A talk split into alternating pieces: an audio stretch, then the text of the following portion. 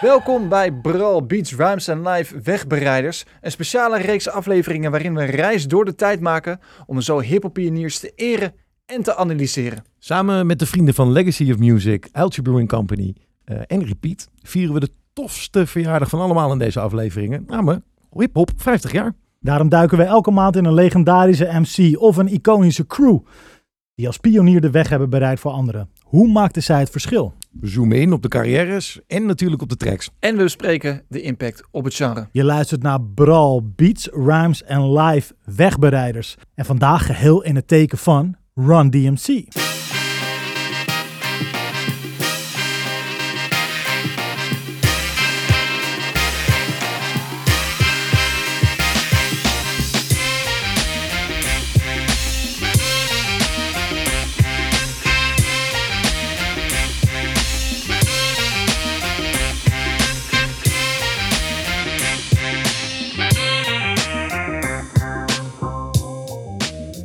Dat je er bent en welkom bij de derde aflevering van Wegbereiders van Brawl Beats Rhymes and Live, waarin we dus een mooie reis gaan maken door 50 jaar hip-hop.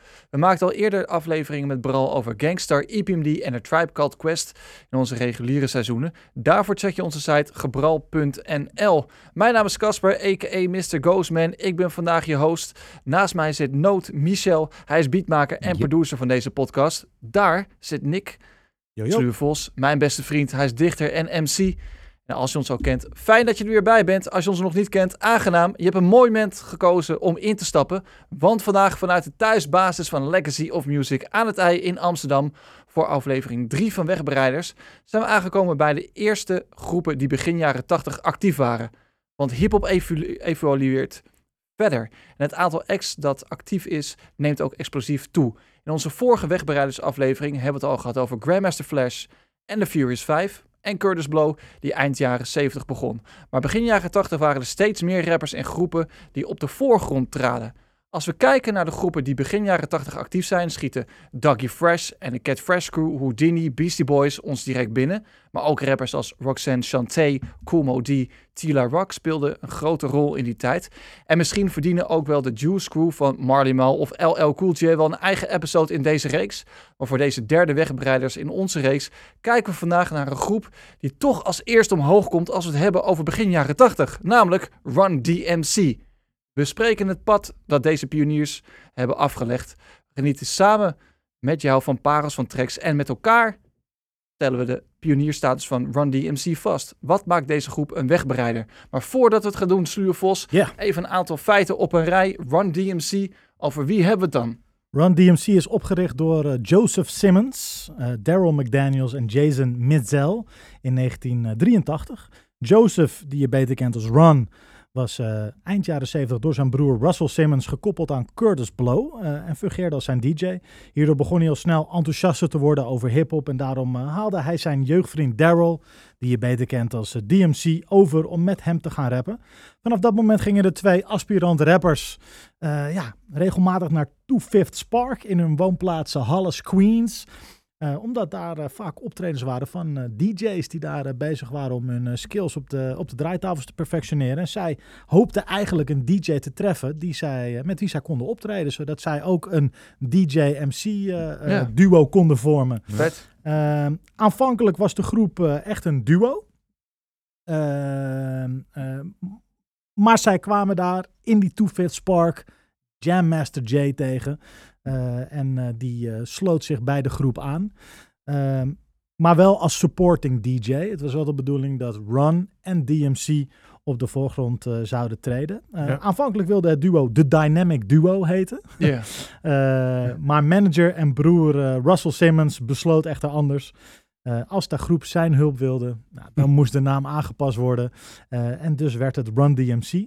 En ondanks dat Jam Master Jay dus altijd in de groep heeft gezeten, eh, is hij pas vanaf het vierde album echt als groepslid op een albumcover te zien. ja. Dus tot die tijd Ja, waren precies. het echt Run en DMC die, eh, ja, die het duo vormden. Waarbij ja, Jam Master Jay wel altijd eh, als DJ eh, oh, en ook op platen wel genoemd is. ja, ik wou net Ja, zeggen, ja. hij Maar werd altijd wel goed benoemd. Precies, maar niet echt als derde lid eh, in de crew. Ja. In totaal maakte Run DMC zeven albums, waarbij het eerste album uitkwam in 1983 eh, en het laatste album in 2001. Eh, de eerste drie albums kwamen echt vlak na elkaar uit in 84, 85 en 86. Eh, en die zetten we dan ook centraal vandaag in de aflevering. Het gaat om die early 80s Run DMC. En de eerste single van dat eerste album kwam uit op 10 augustus 1983 via Profile Records en klinkt zo.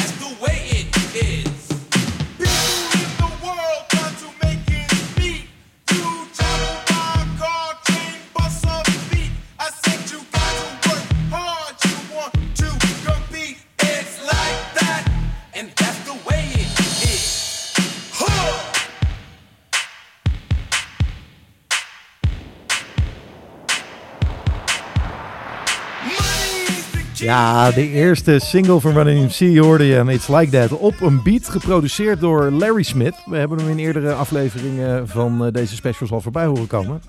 En eh, ja, hij geeft Run DMC hier eigenlijk direct die eh, signature eh, sound van ze. Hele minimalistische beats, hè? gewoon harde drums met wat galm op de snare en korte stabby sounds.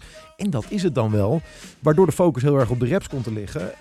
En wat echt wel een, een, een onderscheid was in die tijd met de meer op disco en funk gebaseerde eh, hip-hop die in die jaren uitkwam. Ja, Hè, dit was wel echt redelijk recht in je, in je face.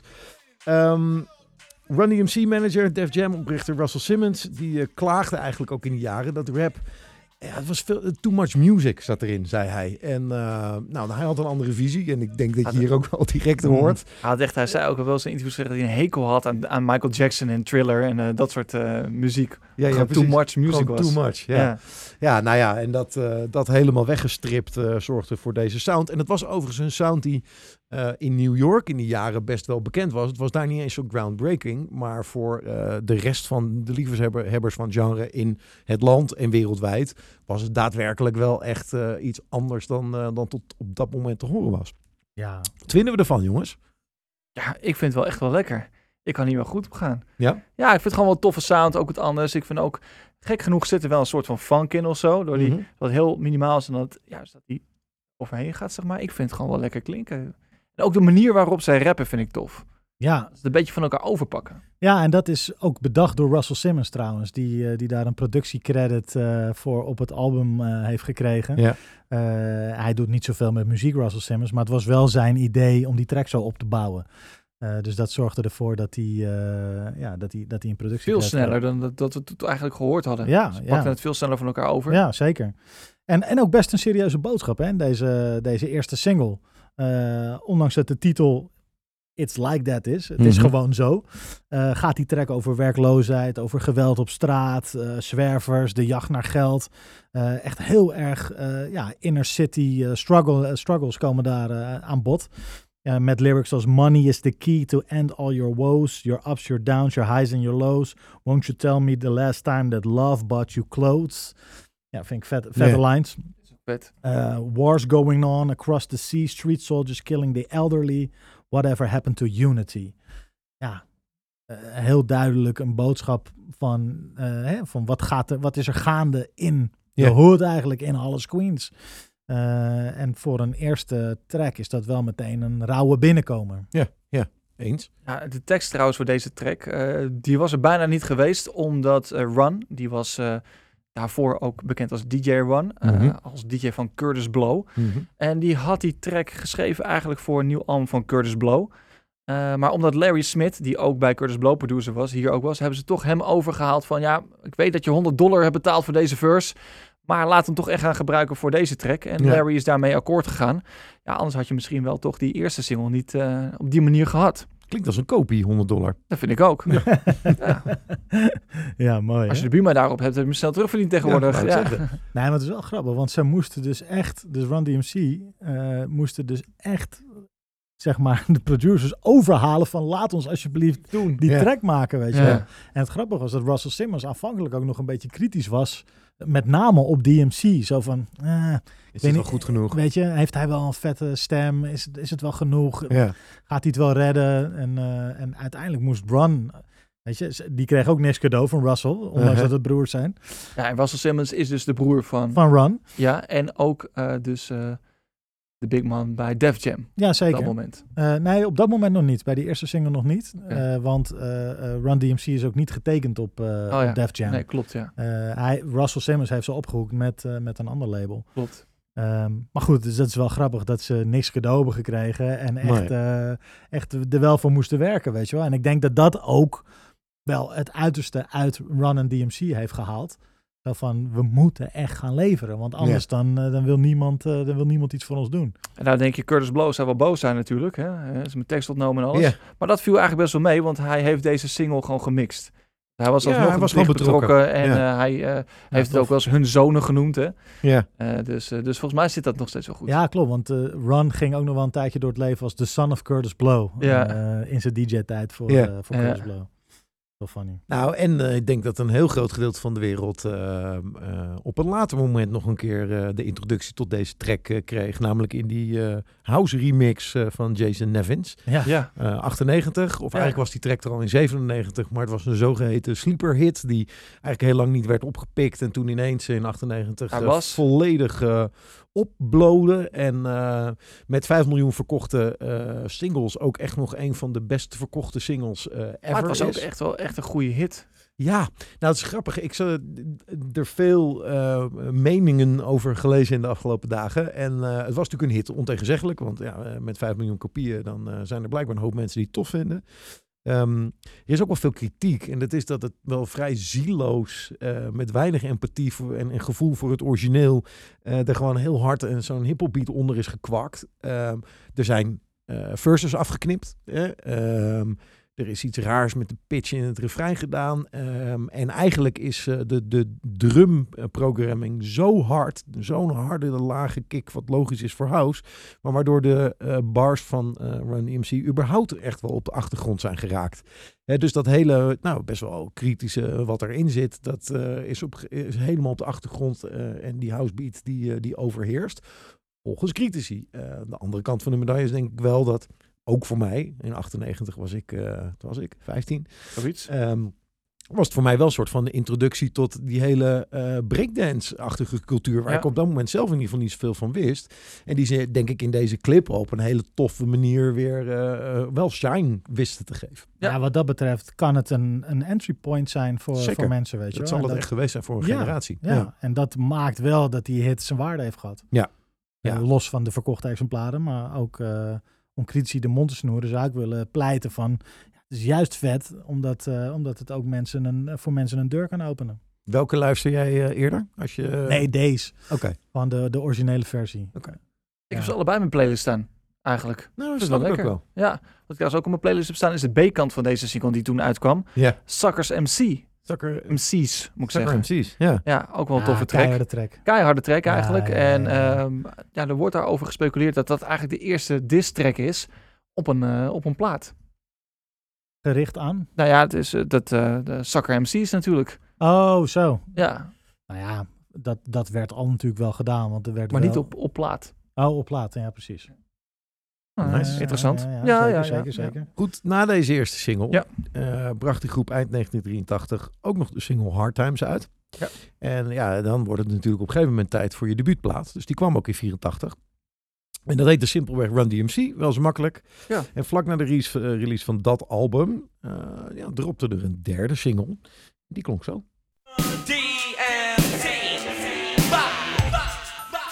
For you, fresh, fresh shit.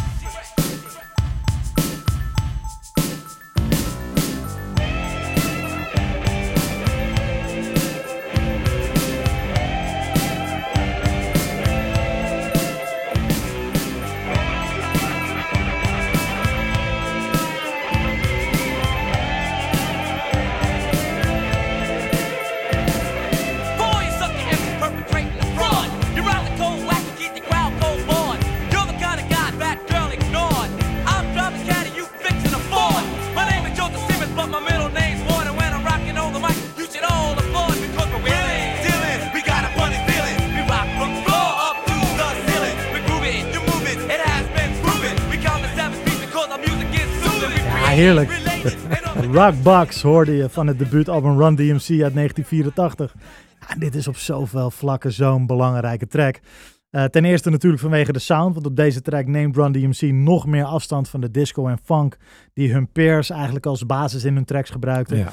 En maakten zij de allereerste, als we Curtis Blow's eh, niet zo goede attempt even buiten beschouwing laten, de allereerste geslaagde eh, rap-rock fusion. Ja, nee, ontegenzeggelijk. Eh, waarmee deze track uiteindelijk echt aan de basis staat van alle rap-rock acts die daarna nog zouden komen. Zoals een Beastie Boys, een Rage Against the Machine, een Limp Bizkit, een Urban Dance Squad. Ja, en de tweede reden dat deze track echt belangrijk was, heeft alles te maken met de videoclip. Want in de zomer van 1984 was dit de allereerste hip-hop videoclip die werd uitgezonden op muziekkanaal MTV. ja. Eh, dat tot dat moment hip-hop nog genegeerd had. Ja, zover het kon. Afgezonderd van een Swatch reclame van de Fat Boys dan. Ja, En een verse van eh, Debbie Harry van Blondie. En een verse maar dat is Blondie, die kunnen ze niet weigeren. Eh, en hier zag iedereen ook eh, de kledingstijl die Run DMC had. eh, die in tegenstelling tot de flashy disco-achtige kleding eh, die op dat moment eh, ja, gangbaar was in hip-hop. Ja, was het veel meer back to basic en veel meer een eh, street attitude met leren jassen, donkere spijkerbroeken, eh Kangol hoedjes. Ja, veel, eh, en natuurlijk Adidas sneakers, laat, laat ik dat niet Sowieso. buiten beschouwing laten. Ja, Ja. en, en dat zorgde er ook wel voor dat Run DMC iets deed dat hip-hop nog niet echt gelukt was. En dat is als naast een zwart publiek ook een wit publiek bereiken. Dus door die rock, rockbox brak letterlijk een muur af. En ehm, ja, waardoor een groot wit publiek ook op die manier werd geïnteresseerd en kennis maakte met hip-hop op een manier die toch wat meer voor hun aantrekkelijk was op dat moment. Ja. Ehm, met name dan die rock sounds natuurlijk. Ja, Ehm, ook leuk om te zien dat dat zo geaccepteerd werd natuurlijk. Hè? absoluut. Ja, het zorgde ervoor dat het debuutalbum van Run DMC, waar deze eh, track op staat, een gouden plaat behaalde. Want ja, ze dachten dat moeten we hebben. Waarmee Run DMC de eerste hip-hop groep is ehm, die dat in de geschiedenis eh, voor elkaar kreeg. Het is wel geinig, want ehm, ehm, tijdens de opnames van eh, deze plaat moesten zij in de studio eh, regelmatig eh, wachten op de vorige band die dan bezig was. En dat was metalband R- eh, Riot. Right. En, ehm, en ja, naar verluid zijn ze echt wel geïnspireerd geraakt door de heftige gitaargeluiden die ze daar uit de studio hoorden komen. En ja, is deze track daar een soort van gevolg van. Ja. Eh, producer Larry Smith eh, heeft er een gitarist, eh, Eddie Martinez, bij gevraagd om eh, nou, wat gitaarwerk te doen. En die solo's zijn allemaal op deze track terechtgekomen. Eh dus in die zin kun Nou, je dus ook wel behoorlijk wat gitaarsolos op die track. Ja, inderdaad. Ja. En, ja, je kunt je natuurlijk afvragen wat, eh, of deze track tot stand was gekomen als zij niet regelmatig in dat wachtkamertje hadden gezeten in de studio totdat ze een keer aan de beurt waren. Ja, echt vet. Eh, ja, textueel is het nummer niet per se heel bijzonder, Nee. omdat de lyrics vooral de beat en de sound dienen. Eh, maar wat je hier wel enorm goed hoort, is die evolutie van rap. Eh, waar een Curtis Blow op dat moment nog heel eh, These are the breaks Ja, rapt. ja. Eh, ja, voegen Run en DMC veel meer flow aan hun raps toe. en beginnen raps echt te lopen over de beat. Ja, En zeker met lines als Because we're willing and dealing, we got a funny feeling. Ja, dat is veel sneller, urgenter. Eh, we rock from the floor up to the ceiling. We groove it, you move it, it has been proven. Ja, dat is, dat is veel, veel, zit veel meer flow Ja, in, ja. veel meer, veel vettere cadans. ja. Eh, ja, en dat maakt eigenlijk wel dat rap ja, een, een volgende eh, traptreden eh, bereikt. Bereikt, Ja. ja. Ja, wat vinden we eigenlijk van het album, dat Run DMC album? Want ja, we kunnen het nog niet echt een album noemen, denk ik. Het was meer een verzameling van natuurlijk eh, singles die ze tot die tijd hadden uitgebracht. Eh, andere singles waren Hard Times, inderdaad, zoals je zei. Mhm. Je had ook weer een B-kant, die heette Jam Master J. Wat uiteindelijk natuurlijk ook een iconische track voor DJ's is geworden. Mhm. Eh, en daarmee liet ze dan toch ook wel weer zien dat hij echt wel belangrijk was voor de groep. Vanaf moment één. Ja, zit natuurlijk in de periode dat de DJ over het algemeen in het boegenbeeld wat minder belangrijk werd. En dat de MC's alweer op de voorgrond zaten. Ja. Maar toch een eerbetoon, erg belangrijk. Maar wat vinden we van deze plaat? Ja, ehm, eh, al is het alleen maar omdat dit de plaat is die ons Run DMC heeft gebracht, eh, heeft hij een, een hele behoorlijke waarde. Ehm, en eh, voor mij, al is het alleen maar voor de track waar we mee zijn ge- begonnen met It's Like That, ja, is er wel een, een dat zit in ieders gehoor, zeg maar. Hè? Is dat En, ook je favoriete eh Ja, track dat van is, het wel, album? dat is wel de favoriet Ja? van dit album voor En mij. die van jou? Rockbox. Ja? Ja. nou, ik ga voor Sucker MC's. Ja, nou, toch mooi verdeeld zo. Ja, dat is mooi Ja, verdeeld. dat is mooi verdeeld. Ja. Ja. Nee, vette plaat. Eh, dus eh, ja, en na die plaat en het eh, MTV-succes van Rockbox besloot Run DMC direct door te pakken met producer Larry Smith. Werkten ze datzelfde jaar nog aan een follow-up dat in januari 85 zou verschijnen. Voorafgegaan door deze knaller van de single. Rock,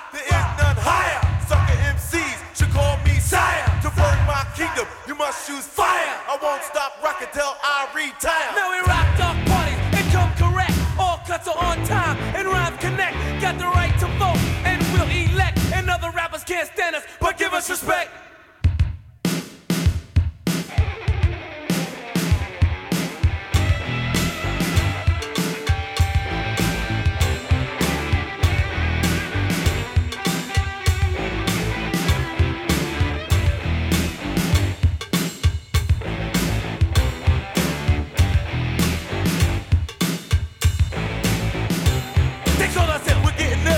Ja, je hoorde. King of Rock van het gelijknamige album King of Rock uit 1985, mijn geboortejaar. Alleen maar classics. en eigenlijk alleen al vanwege eh, de classic openingslijn is dit natuurlijk een onvergetelijke track. I'm the King of Rock. There is no higher. Sucker MC, eh, should call me sire. To my burn, eh, to burn my kingdom, you, you must use fire. I won't stop rocking until I retire. Natuurlijk ook met die classic eh, eh, backups erbij en alles.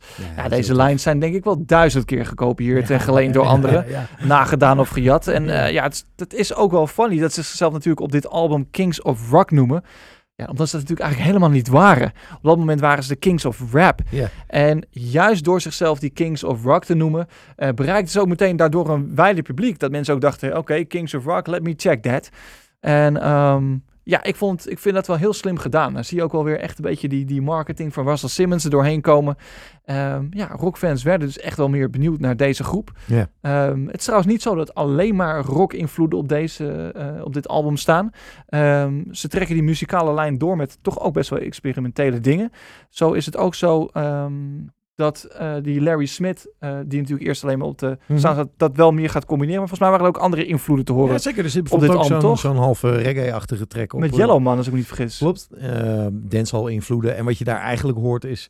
Dat is wat, vind ik, knap gedaan. En je hoort nog steeds gewoon de, de drumpatronen en de manier waarop die drums klinken, zoals dat in de andere Zoals tracks. eh, Larry hè? Smith dat eigenlijk altijd exact. doet. Dus de Ja. signature sound is er. Ja. Maar er zijn toch van die dancehall en reggae-achtige eh, geluiden aan toegevoegd. Plus Ja. dan een, een vocalist. Ehm, waardoor, je had het net over slim en een wijder eh, bereik. Ja, dit is natuurlijk ook wel weer één. Ik denk, ja, slim. Dan pak je er nog een, een ander setje publiek bij. eh, om te kijken of je daar die mix kunt maken. En eh, eh, de crossover eh, naar eh, nou, nog een breder publiek. En dat, is, het- ja, dat doen ze op deze plaat dus ook op die manier. Ja, en natuurlijk slim, maar ook gewoon eh, kijken wat je in de studio kunt doen, weet Ja. je wel. Zo van, ja. vet, dit vinden we, we vinden rock vet, daar doen we wat mee. We vinden eh, Ja, eh, gewoon openstaan. reggae en dancehall Ja. vet, laten we daar ook wat mee gaan proberen. Gewoon kijken wat je, wat je allemaal kan doen. En, dat, en ik vind het heel tof dat Run DMC als groep eh, daarvoor open stond. Ja. Want ze hadden ook kunnen zeggen van, ja, weet je wel, dit voelen we niet, of dit, dit willen we niet doen, of weet je wel, laat ons gewoon van die disco funk shit maken, net als de rest. Ja. Had ook gekund. Ja. Maar ja, juist doordat ze zich eh, ja, hebben opgeworpen van, nou, we gaan wat nieuws doen, ja, creëer je dus dat je zomaar in één keer de meest iconische crew Ja. van de begin jaren tachtig kan worden. Weet je, want als ze dat niet hadden gedaan, dan was het gewoon de zoveelste hip-hop act geworden. Ja, tuurlijk. Maar ja, juist door die, eh, door die keuzes eh, in de studio eh, ja, onderscheid je jezelf. Eh, wist je trouwens dat King of Rock is het allereerste hip-hop album ooit dat op CD is uitgebracht? Ja, zeg. Ja, alles daarvoor was vinyl, cassette. Uh-huh. de bandjes. eh, ja. Maar echt een CD eh, is dus King of Rock, was het eerste hip-hop album. Nou, uh, turft u mee. Dat is eh, primeur nummer twee, toch? De eerste videoclip eh, op MTV en nu eh, de eerste CD. Ja. dan, eh, Nou, netjes. ja, heel nice. Lachen. Eh, die album, dat, dat hele album ook dan maar eens eventjes. Wat, eh, hoe, hoe zien we die? Wat is de impact van die plaat? Nou, ik denk dat het vooral eh, eh, eh, mensen nieuwsgierig hield naar, eh, naar Run DMC en ze bleven zeg maar in de spotlight. Hij is natuurlijk vrij snel na eh, het debuutalbum Uh-huh. is, die, is die uitgekomen. Dus ze, zijn, ze hebben gewoon hun... We zijn door blijven gaan ze zijn door blijven gewoon. gaan. Ze hebben hun naam hoog gehouden. Het album stelde niet teleur, dus het was een hele mooie follow-up. Eh, het is nog niet die classic plaat, zeg maar. Nee. Dus ik denk dat ook op de eerste plaats stonden meer hits. Eh, dus eh, Rockbox, eh, It's Like That, Sucker MC's. Dus echt wel wat meer aansprekende tracks. Op deze misschien ietsje minder. Maar gewoon steady, doorgepakt, sound ietsje geëvolueerd. Want Mhm. qua productie is het wel wat, wat, wat cleaner, wat beter. Ehm, ja, dus overal denk ik gewoon een goede tussenplaat Ja, richting ja, nou, de iconische plaat. daar gaan we het natuurlijk zo over hebben. Ja. Ehm, laatste track op deze plaat is eh, zo'n live eh, versie Ehm, op eh, Live Aid. Ja. Ehm, dat was ook niet mis, hè, dat ze daar stonden, zeg maar. Live Aid was een groot benefietconcert. Ja. En nou, dat had een, geen misselijke line-up met Madonna, Paul McCartney. Queen natuurlijk. Queen, ja, en dus eh Run DMC. Dus eh, om het wel maar even in perspectief te plaatsen, hoe snel zij naar een bepaalde status waren gecatapulteerd. eh, Ja. ja. zij werden gewoon uitgekozen om die line-up te versterken. En zelf was dat een show waarvan ze zeiden. Ja, nou, wij zaten backstage voordat we dat gingen doen. En we zagen, geloof ik, de Rolling Stones. En we wisten eigenlijk allemaal niet precies. Ja, ja, we wisten allemaal niet zo goed waar, waar we aan begonnen. En toen kwam het podium op. En toen zagen we, geloof ik, 80.000 mensen. En toen dachten we, oh ja, oké, dit is wel een dingetje. Maar ze waren er heel onbevangen ingegaan. Ja, dat is op en, eh, nice. Ja, ja, en dat bleek eh, eh, major te zijn. Hè? Want het is ook nog miljoenen keren bekeken over de hele wereld. Ja, het is echt eh, nou, Dan word je gewoon gelanceerd. ja, groter dan dat. Ja, dat is een beetje op dat moment niet. Nee, precies. Het was ook het eerste album dat op nummer 1 binnenkwam in de R&B rap charts. Of de Ah. R&B charts eigenlijk in Amerika. Primeur Dat is ook nummer drie. eh, ja, het gaat lekker met hun in die Ja. jaren. Nou, en, en kijk, wat natuurlijk toen wel was, dat als jij eenmaal een artiest op MTV was, dan deed je gewoon mee. Ja, Eh, want, dan was je eh, biggie. dan was je big, want MTV toen de tijd was met name eh, rock georiënteerd, pop georiënteerd. eh, en ehm, ehm, ja, dus, dus voor een hip-hop act om daar dan uitgezonden te worden, dat betekent wel dat je meteen eigenlijk al in de eredivisie eh Ja, precies. zit. Het is heel belangrijk om in dat verband wel te vertellen dat MTV van toen had niet 10 man 1, 2, 3 en 12. Eh het had was gewoon ook één niet, kanaal. Ja. was er één kanaal met eh, Alleen muziek. muziek. Ja, je kunt je Ah, niet voor muziek. En, en ja, oké, en als we dan toch duiden, er was geen YouTube. dus als Nee. jij muziekclips wilde bekijken, dan moest je dus naar MTV. Ja. Op de televisie. Ja. Ja, ja, dat, nou ja, Ja, goed, dat er die kennen- dat mensen. Het trouwens nog een eh, turfje erbij. Het was ook het eh, eerste eh, groep die platina ging officieel. Met Dus, deze plaat. met ja. deze plaat, ja. Ja. Dus dat was heel tof. En deze ehm, plaat, tenminste een drie van die songs, zaten ook nog in de film Crush Groove. Ah. Dat is, was een film. Ja, we hebben het, eh, de vorige Wegbereiders eh, episode hebben we hem ook behandeld. Want eh, Curtis Blow zat ook in, eh, in Crush Groove. Ja. Maar ja, Een, een film gebaseerd op Russell Simmons en Def Jam label. Ja. Waarin eigenlijk eh, de Crush Groove was het label waar dan Run DMC en Curtis Blow de grootste artiesten Ja, waren. dat was dan semi-fictief, maar het was eigenlijk gewoon gebaseerd op eh, grotendeels op hun echte Ja. levensloop. Ja, ja, zeker weten. En er zaten dus drie tracks daar ook nog van in. Eh, King of Rock, Can You Rock It Like This en You're Blind. Ja. Het draagt allemaal wel bij aan toch al, een- toch al een best wel historisch album wat er neer is gezet. ja, 100. En ik bedoel, het feit dat, dat ze voor het eerst platen gaan. Ja, dat geeft wel aan, zeg maar, in welke flow, eh, in welke flow zij zaten. Ja. Nou ja, en die flow was lekker, want eh, na King of Rock en Crush Groove begon Run DMC te werken aan hun derde album. Hiervoor besloten ze wel een andere samenwerking aan te gaan. Dit keer met in-house producer van het label Def Jam. Ehm, wat dus het label is van zijn broer van eh, hè, Russell Simmons dus. Mhm. Maar ook co-eigenaar Rick Rubin. Die was dus die in-house producer.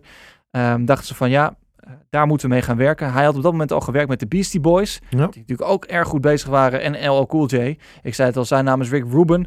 En de eerste single van die derde plaat, die gaat over een schoenenmerk. My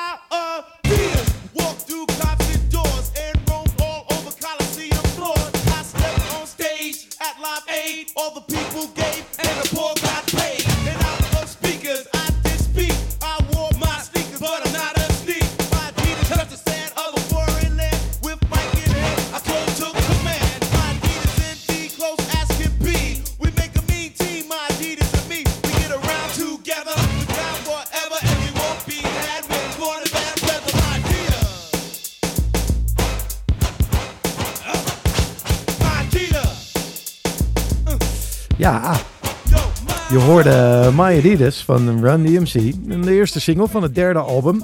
Raising Hell is dat, eh, uit 1986.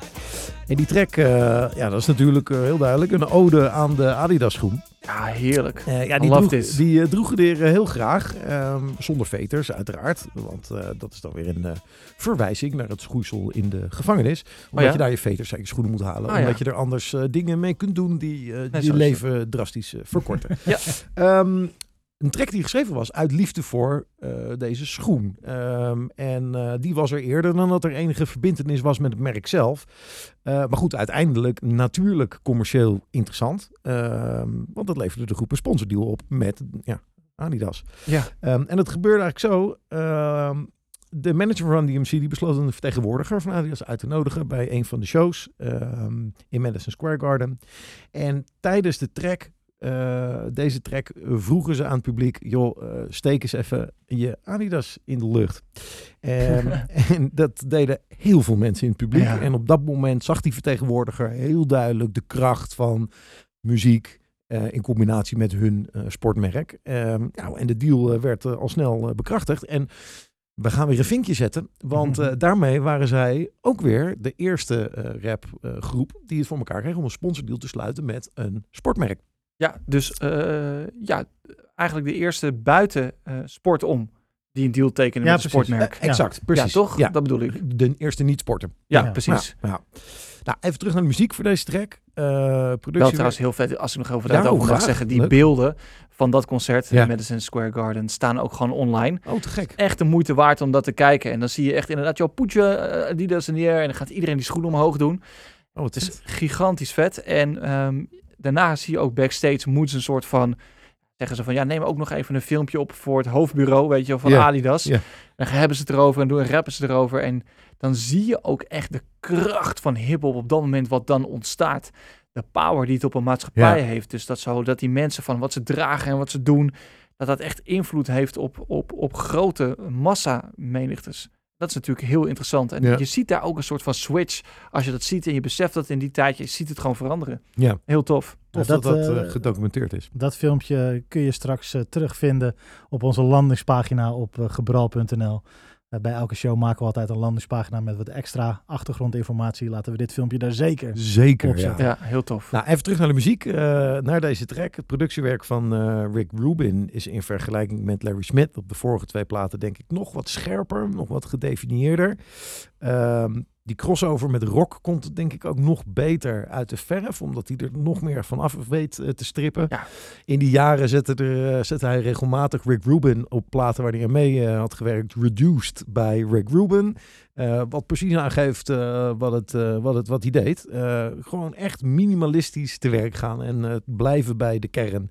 En de kern was natuurlijk gewoon een snoeihard ritme, een goede riff en de verses van de heren. Ehm, nou, hij was op plaat 2 al een beetje aanwezig, hè, Rick Rubin. Hij zat als eh, gitarist op eh, die eh, Can You Rock Like This. Ja, en daarna bleef hij aan boord, omdat de creatieve meningsverschillen met Larry Smith eigenlijk wel steeds groter eh, werden. Ehm, en ja, hij kon het stokje overnemen eh, met eh, dit als niet misselijk wapenfeit, dacht ik. Nee, dat Ja. is gewoon keihard. dit is gewoon keihard. Ja. Ja, ik ben heel blij dat Rick Rubin eh, in de boot is gestapt en is mee Ja. gaan varen, zeg maar. En eh, dat, eh, dat heeft er wel voor gezorgd dat die signature sound, inderdaad wat jij al zegt, nog meer, ja, nog, nog beter is geworden, nog fijner is geslijpt. Ja, heel tof. Ja, ik vind het best moeilijk hoor, om dat verschil tussen de platen voor en deze te definiëren. En toch hoor je het, vind ik althans, instant dat het op alle vlakken gewoon beter is. Ja. Eh, maar om je nou echt te zeggen van oké, dit is wat hij wezenlijk anders heeft gedaan. Nou, dat is denk ik vooral toch nog net wat minimalistischer. Nou, en ik denk wat meer, eh, zeker in die rap-rock combinatie, eh, klinkt het wat meer als een geheel. Ja. Waarbij eh, Ja. bij Larry Smith hoor je heel duidelijk een drumbeat en een gitaar.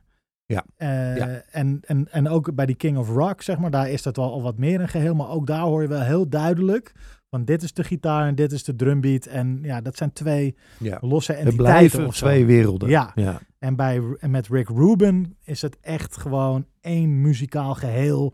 Want we zeiden het al over het vorige album, hè? die energie was er, alles had er voor Run DMC om het nog krachtiger te maken.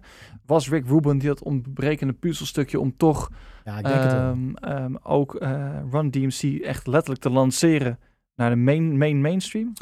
Nou, ehm, ja, dat denk ik wel. Zeker toen hij bedacht dat er nog eh, wel eh, nog iets meer van die rap-rock combinatie op deze plaat eh, terecht kon komen.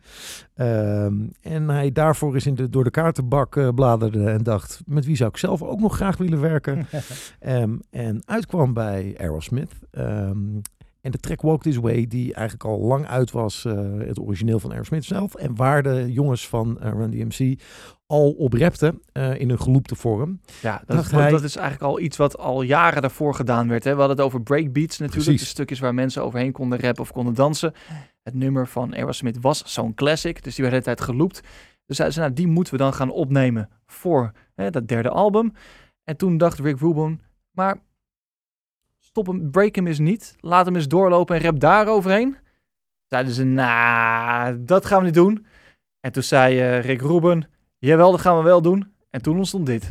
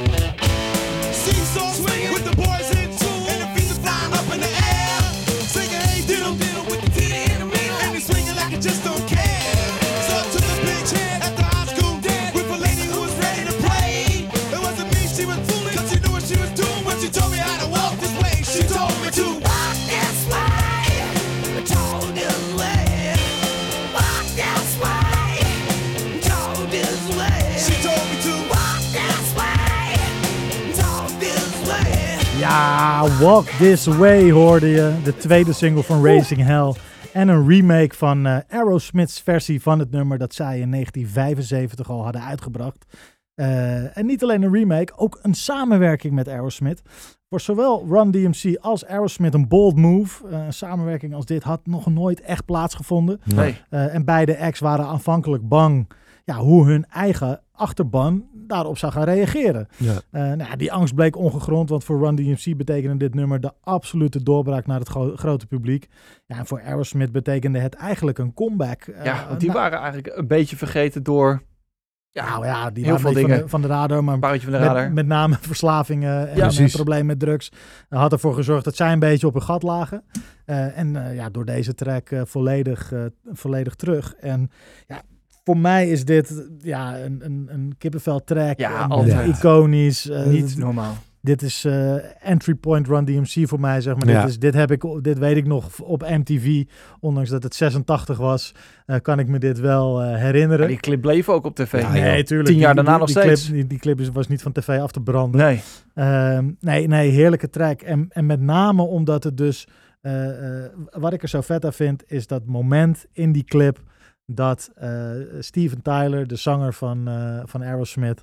eh, als het ware door die muur heen beukt met zijn microfoon, zijn kop laat zien Ja. en dan eh, dat refrein gaat zingen.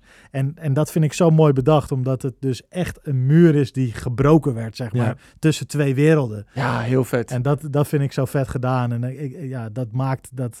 Eh, en jullie weten van mij, zeg maar, ik heb twee liefdes, metal en, eh en hip-hop.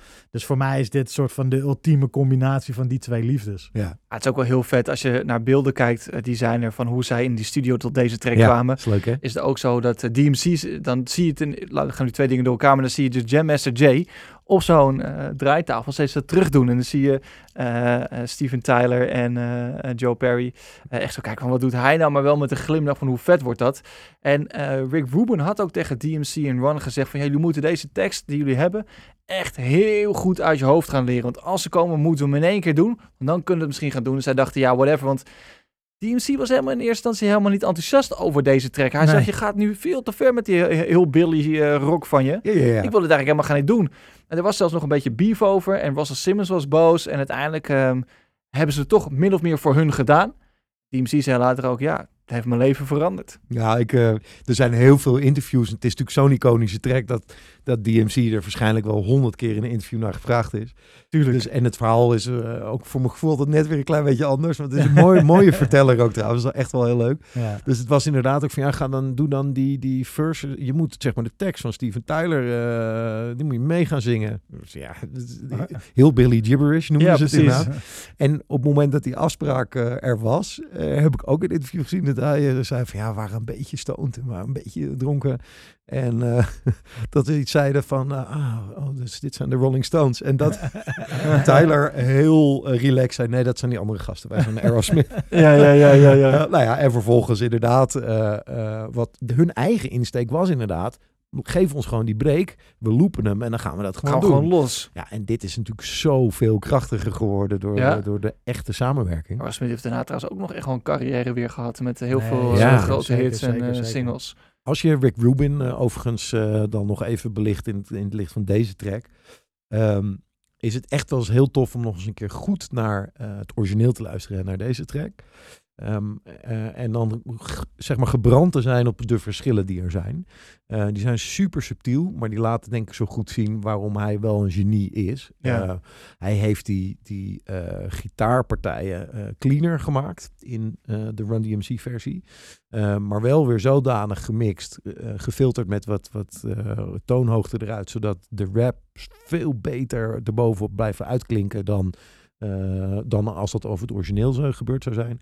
Ehm, hij heeft het hele drumpatroon eigenlijk eh, helemaal in stand gehouden ten opzichte van het origineel. Alleen eh, ja, is het geen drummer meer, maar zijn het gewoon, komt het uit de drumcomputer, waardoor Ja. het ja, eh, eh, veel strakker klinkt. Maar het is Heel echt, vet. echt het exact hetzelfde Ja. patroon. Ehm, dus het zijn kleine dingen die hij heeft gedaan, maar die wel echt hebben bijgedragen aan dat het instant ook echt een hip-hop track Nee, is, zeker. is geworden. En met name die drumbeats, die hebben wel iets meer punch ook dan, Zeker. dan de originele Ja, er drums. zit een zwaardere kick in. Ja, waardoor, die, waardoor het net even harder binnenkomt of zo dan het, dan het origineel. Ja. Dus ja, ik, ik- dus dat, dat maakt inderdaad dat Rick Rubin hier ook echt zijn handtekening onder zet, weet Ja. je wel? En ook echt iets toevoegt aan die Ah, sound. Het maakte ook dat deze track natuurlijk dat ze voor het eerst op de Rolling Stone cover kwamen. Ja. Nog eentje voor je te turven. Ja, En, Zes zitten we. Ja, zoiets ja. Het, het- ze blijven gewoon maar doorgaan. Het is, ik kan me ook nog wel een optreden iets van tien jaar later herinneren bij de MTV Awards met eh Kid Rock en Run DMC. oh ja. En ook, nog. met Steven Tyler die dan, eh, en Joe Perry die dan deze track doen. Ja, Ja, is ook echt heel vet. Die gaan we ook nog even proberen op te zoeken en op ja de site te Ja, ik weet zetten. precies wat je bedoelt. Het was heel Als vermakelijk. kind was ik heel, hoe noem je dat? Ge- gefascineerd daardoor. Ja. Ja, begrijp ik. Ja, omdat je het dan ook gewoon meekrijgt. Na het monstersucces van Walk This Way bracht de groep nog de single You Be Illin uit. Dat veel meer echt een, eh, een hip-hop eh, track Ja. is. Eh, met echt een storytelling type eh, rap. Ehm, deze single deed op zich niet zoveel. En ondanks dat het album in 1987 eh, dan al negen maanden oud is, besluiten ze ook nog een single uit te brengen. It's Tricky. This speech is my recital. I think it's very vital to rock around. That's right. On time. It's tricky. It's the like, Here we go. It's tricky to rock around, to rock around. That's right. On time. It's tricky. It's tricky. Tricky. Tricky. Tricky. It's tricky to rock around, to rock around. That's right. On time. It's tricky. Tricky. Tricky. I met this little girlie. Was kinda curly. Went to her house and bust her out. I had to leave real early. These girls are really sleazy. All they just say is please me or spend some time and rock a rhyme. I said it's not that easy. It's tricky to rock around, to rock around. That's right, on time. It's tricky.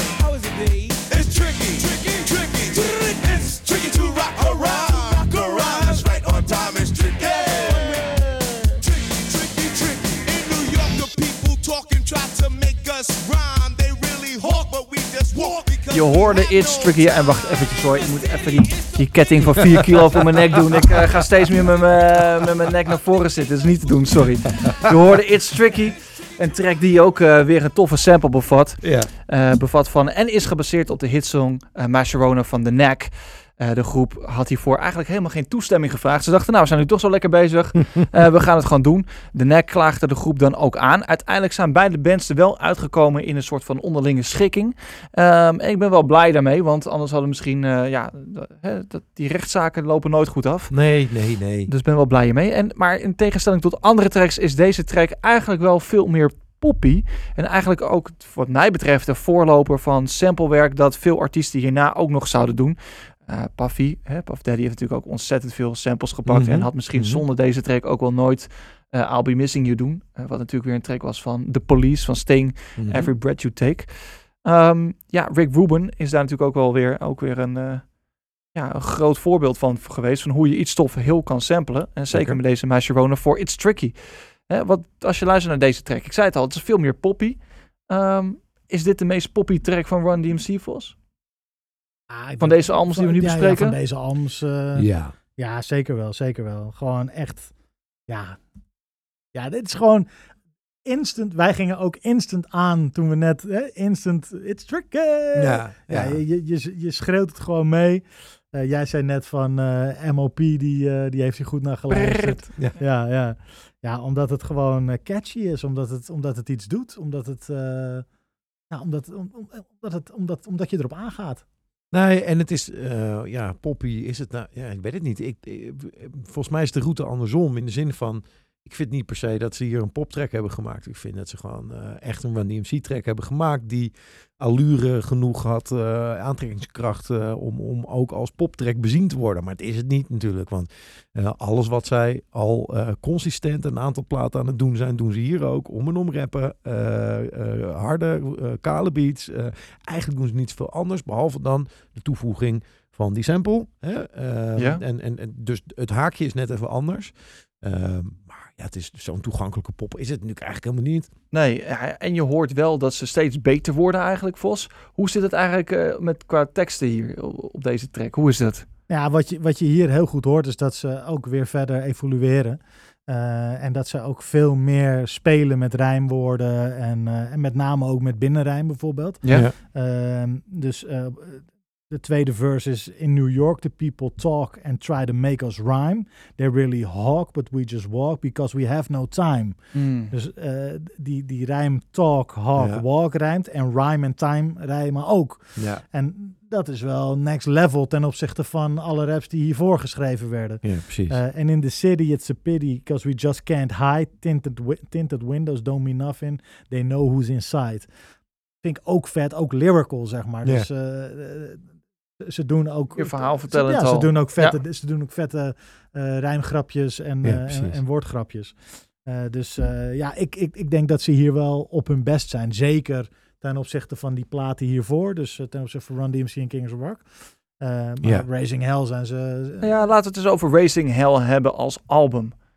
Um, is het een classic hip-hop album? Tuurlijk. Ja, Tuurlijk. ja, ja, ja, ja, toch? Dit is gewoon Run DMC op een prime, toch? Zeker. Ja.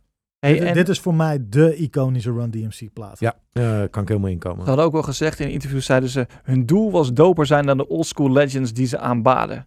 Ja. En ik denk ook wel dat dat gelukt is. Hè? Dus, dus, dus ook op dit album kwam dat allemaal samen.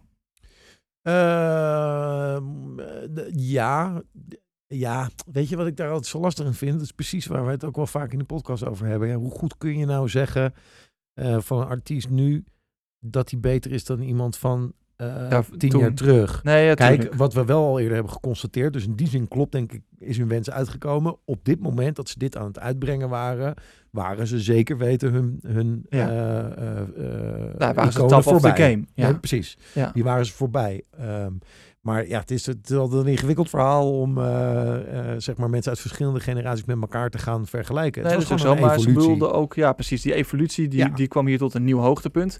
DMC zei trouwens ook over dit album in het interview van uh, die eerste twee albums waren vooral al tracks en rhymes die we bij elkaar hebben gezet. En dit Ja. is eigenlijk het eerste album dat we echt hebben gemaakt en hebben album geschreven. hebben gemaakt. Ja. Merk je dat ook terug in, in, in het album in de tracks, Vos? Ja, ik denk het wel, want er zit wat meer conceptuele tracks in. Kijk, My Adidas bijvoorbeeld alleen al Ja. is echt een conceptuele song over een schoen, weet je wel. Ja. Dus dat is heel duidelijk, hebben ze daarover nagedacht van dit willen we doen en dat gaan we op die manier uitwerken. UB Allen is een, een storytelling track, die hebben ze natuurlijk van tevoren gedacht van we gaan een verhaal vertellen en dat gaan we op deze manier doen. Ja. Ehm, eh, en ik denk dat dat in elke track zitten dat soort keuzes. Ehm, eh, waarbij ze zowel qua sound als qua lyrics echt een bewuste keuze maken voor dit is hoe we die track gaan opbouwen. Ja. Ze waren, toen ze dit album gingen maken, waren ze ook op tour. Eigenlijk de hele tijd. Mhm. En tijdens de toeren gingen ze schrijven. Elke keer als ze van een podium afkwamen, namen ze bijna een track op of een demo op. Ja. En ik denk ook wel dat je er terug hoort dat je die energie, het momentum, wordt wel heel goed ge- gepakt op dit album. Zeker, 100%. Ehm, eh, gedeeltelijk is het natuurlijk ook echt wel hun stilo. Hè? Gewoon die om en om echte energie. Ja, Ehm, eh, ja maar het, het klinkt wel weer frisser nog of wat Ja. urgenter dan het album daarvoor, vind Ja. ik. En ehm, wat ik ook leuk vond, is dat ze hebben eigenlijk altijd die singles gereleased. En dat werden dan albums. Dit is een album dat ze echt gingen schrijven, maar die brachten ze gewoon naar de radio, zodra het eigenlijk af was. Ja. Dus als je ziet ook wanneer die singles zijn uitgebracht, dan denk je, hè, het is allemaal vroeg op elkaar, want er zit opeens iets tijds tussen. Maar het werkte gewoon. Ja. Het was fire, het was hot en het was on the radio waves out there, weet Ja. je wel. Toch wel heel tof om dat op die manier ook gewoon doen. Lekker doorknallen. ja, ja, ja, zeker. Ja, en dat, dat is wel tof. Dat, dat zeker die eerste drie albums is gewoon een, een continuous eh, work, weet je. Dus gewoon drie jaar gaat er voorbij en er zijn drie albums met, met knijterharde tracks, weet je. Dat vind ik wel heel vet. Die work ethic in het begin Ja, is, is, is, is ziek. ja. Ja, ja ik, ehm, ik, ik las dat eh eh, Kool Moe Dee, volgens mij, of Ice Cube, ik weet niet meer, een van die twee, die zei Mhm. over dit album. dit album was wat hip-hop was en wat hip-hop wilde zijn. Ice Cube zei dat, ja. Het bracht hip-hop tot leven voor elke generatie, afkomst en iedereen. Ja. Ik denk ook wel dat Ja, als je het samen moet vatten, dat dat ook wel dit album beschrijft. ja. Nou ja, dat is heel treffend, denk ik. Ja, en als we kijken naar de tracks van de, de favoriete tracks van dit album, hebben we nog een favoriete? Hebben we nog eentje bijvoorbeeld nog niet besproken die we nog wel moeten noemen?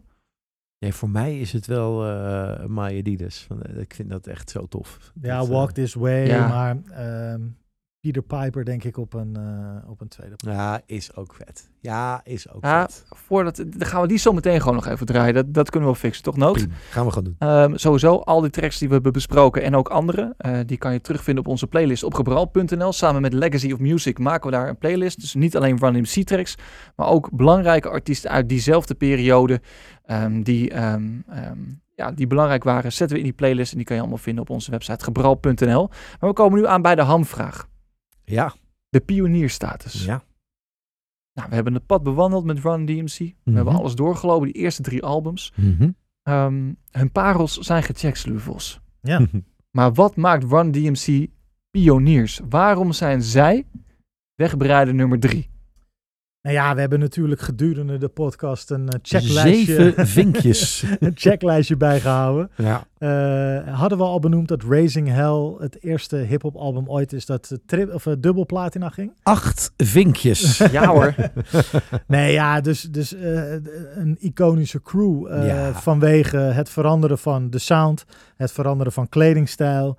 Die, een kledingstijl die we tot op de dag van vandaag nog eh, Rocken. nog rocken weet Zij liet inderdaad zien van, hè, van hoe ze eruit zagen op straat. En dat brachten ze gewoon eigenlijk als van Ja. zo kan het ook. Ja, precies. En dat doen we tot op de dag van vandaag. Is dat nog steeds de, de gangbare Ja. manier? Ja. Eh, ik, ik zie ook niet in dat we als hip-hop ooit nog naar disco kleding kleding gaan. Nee, Jij vindt dat wel jammer? Dat vind ik heel erg jammer. Ja, dat vind jij jammer. Ja, Eh, Vooral die hoge rode laklaarzen. Die, eh, absoluut. Maar ja. ze staan in de kast en het komt er nog een keer uit. Ja. Echt waar. Eh, eh, die rap-rock fusion, eh, zeer, zeer Ja. belangrijk. Eh, ja, dus weet je wel, onmiskenbaar wegbereider nummer drie. Ja, en als we het hebben over... Ja, sorry? Nou, nee, zonder deze plaat wat mij betreft, eh, denk ik heel veel platen waar Rick Rubin later bij betrokken is, waarschijnlijk niet of anders. Ehm, eh, en inderdaad in die rap rock crossover. Ja, ik denk Jay-Z en Linkin Park plaat samen, weet je wel. Die, dit was er niet geweest. Eh 99 Problems van Jay-Z met Rick Rubin was er eh, denk ik eh, niet eens geweest. Dus eh, ook weer voor alles wat daarna kwam. ja, pff, En de twee MC's met een. DJ. Natuurlijk ook erg belangrijk. Ja. Ehm, ja, we gaan richting het einde. Mhm. We hebben nog één track die ik toch heel, heel tof vind, die nog niet benoemd is inderdaad. Een heerlijke sample van Take Me To Mardi Gras van Mhm. Bob James. Uh-huh. We hebben nog een track voor je klaarstaan. Peter Piper. Pick peppers, but run rock. Rhyme, Humpty, Dumpty, fell down, That's his art. time, Jackie, nimble, what? nimble, And he was quick, but jam, master, mud, faster, jacks on Jay's dick. Now little Bo Peep Cole lost her sheep, and Rip Van Winkle fell a hell of sleep. And out of chilling summer in Wonderland, Jack serving Jill bucket in his hand. His damn Master Jay making out that sound. The turntables might wobble, but they don't fall down.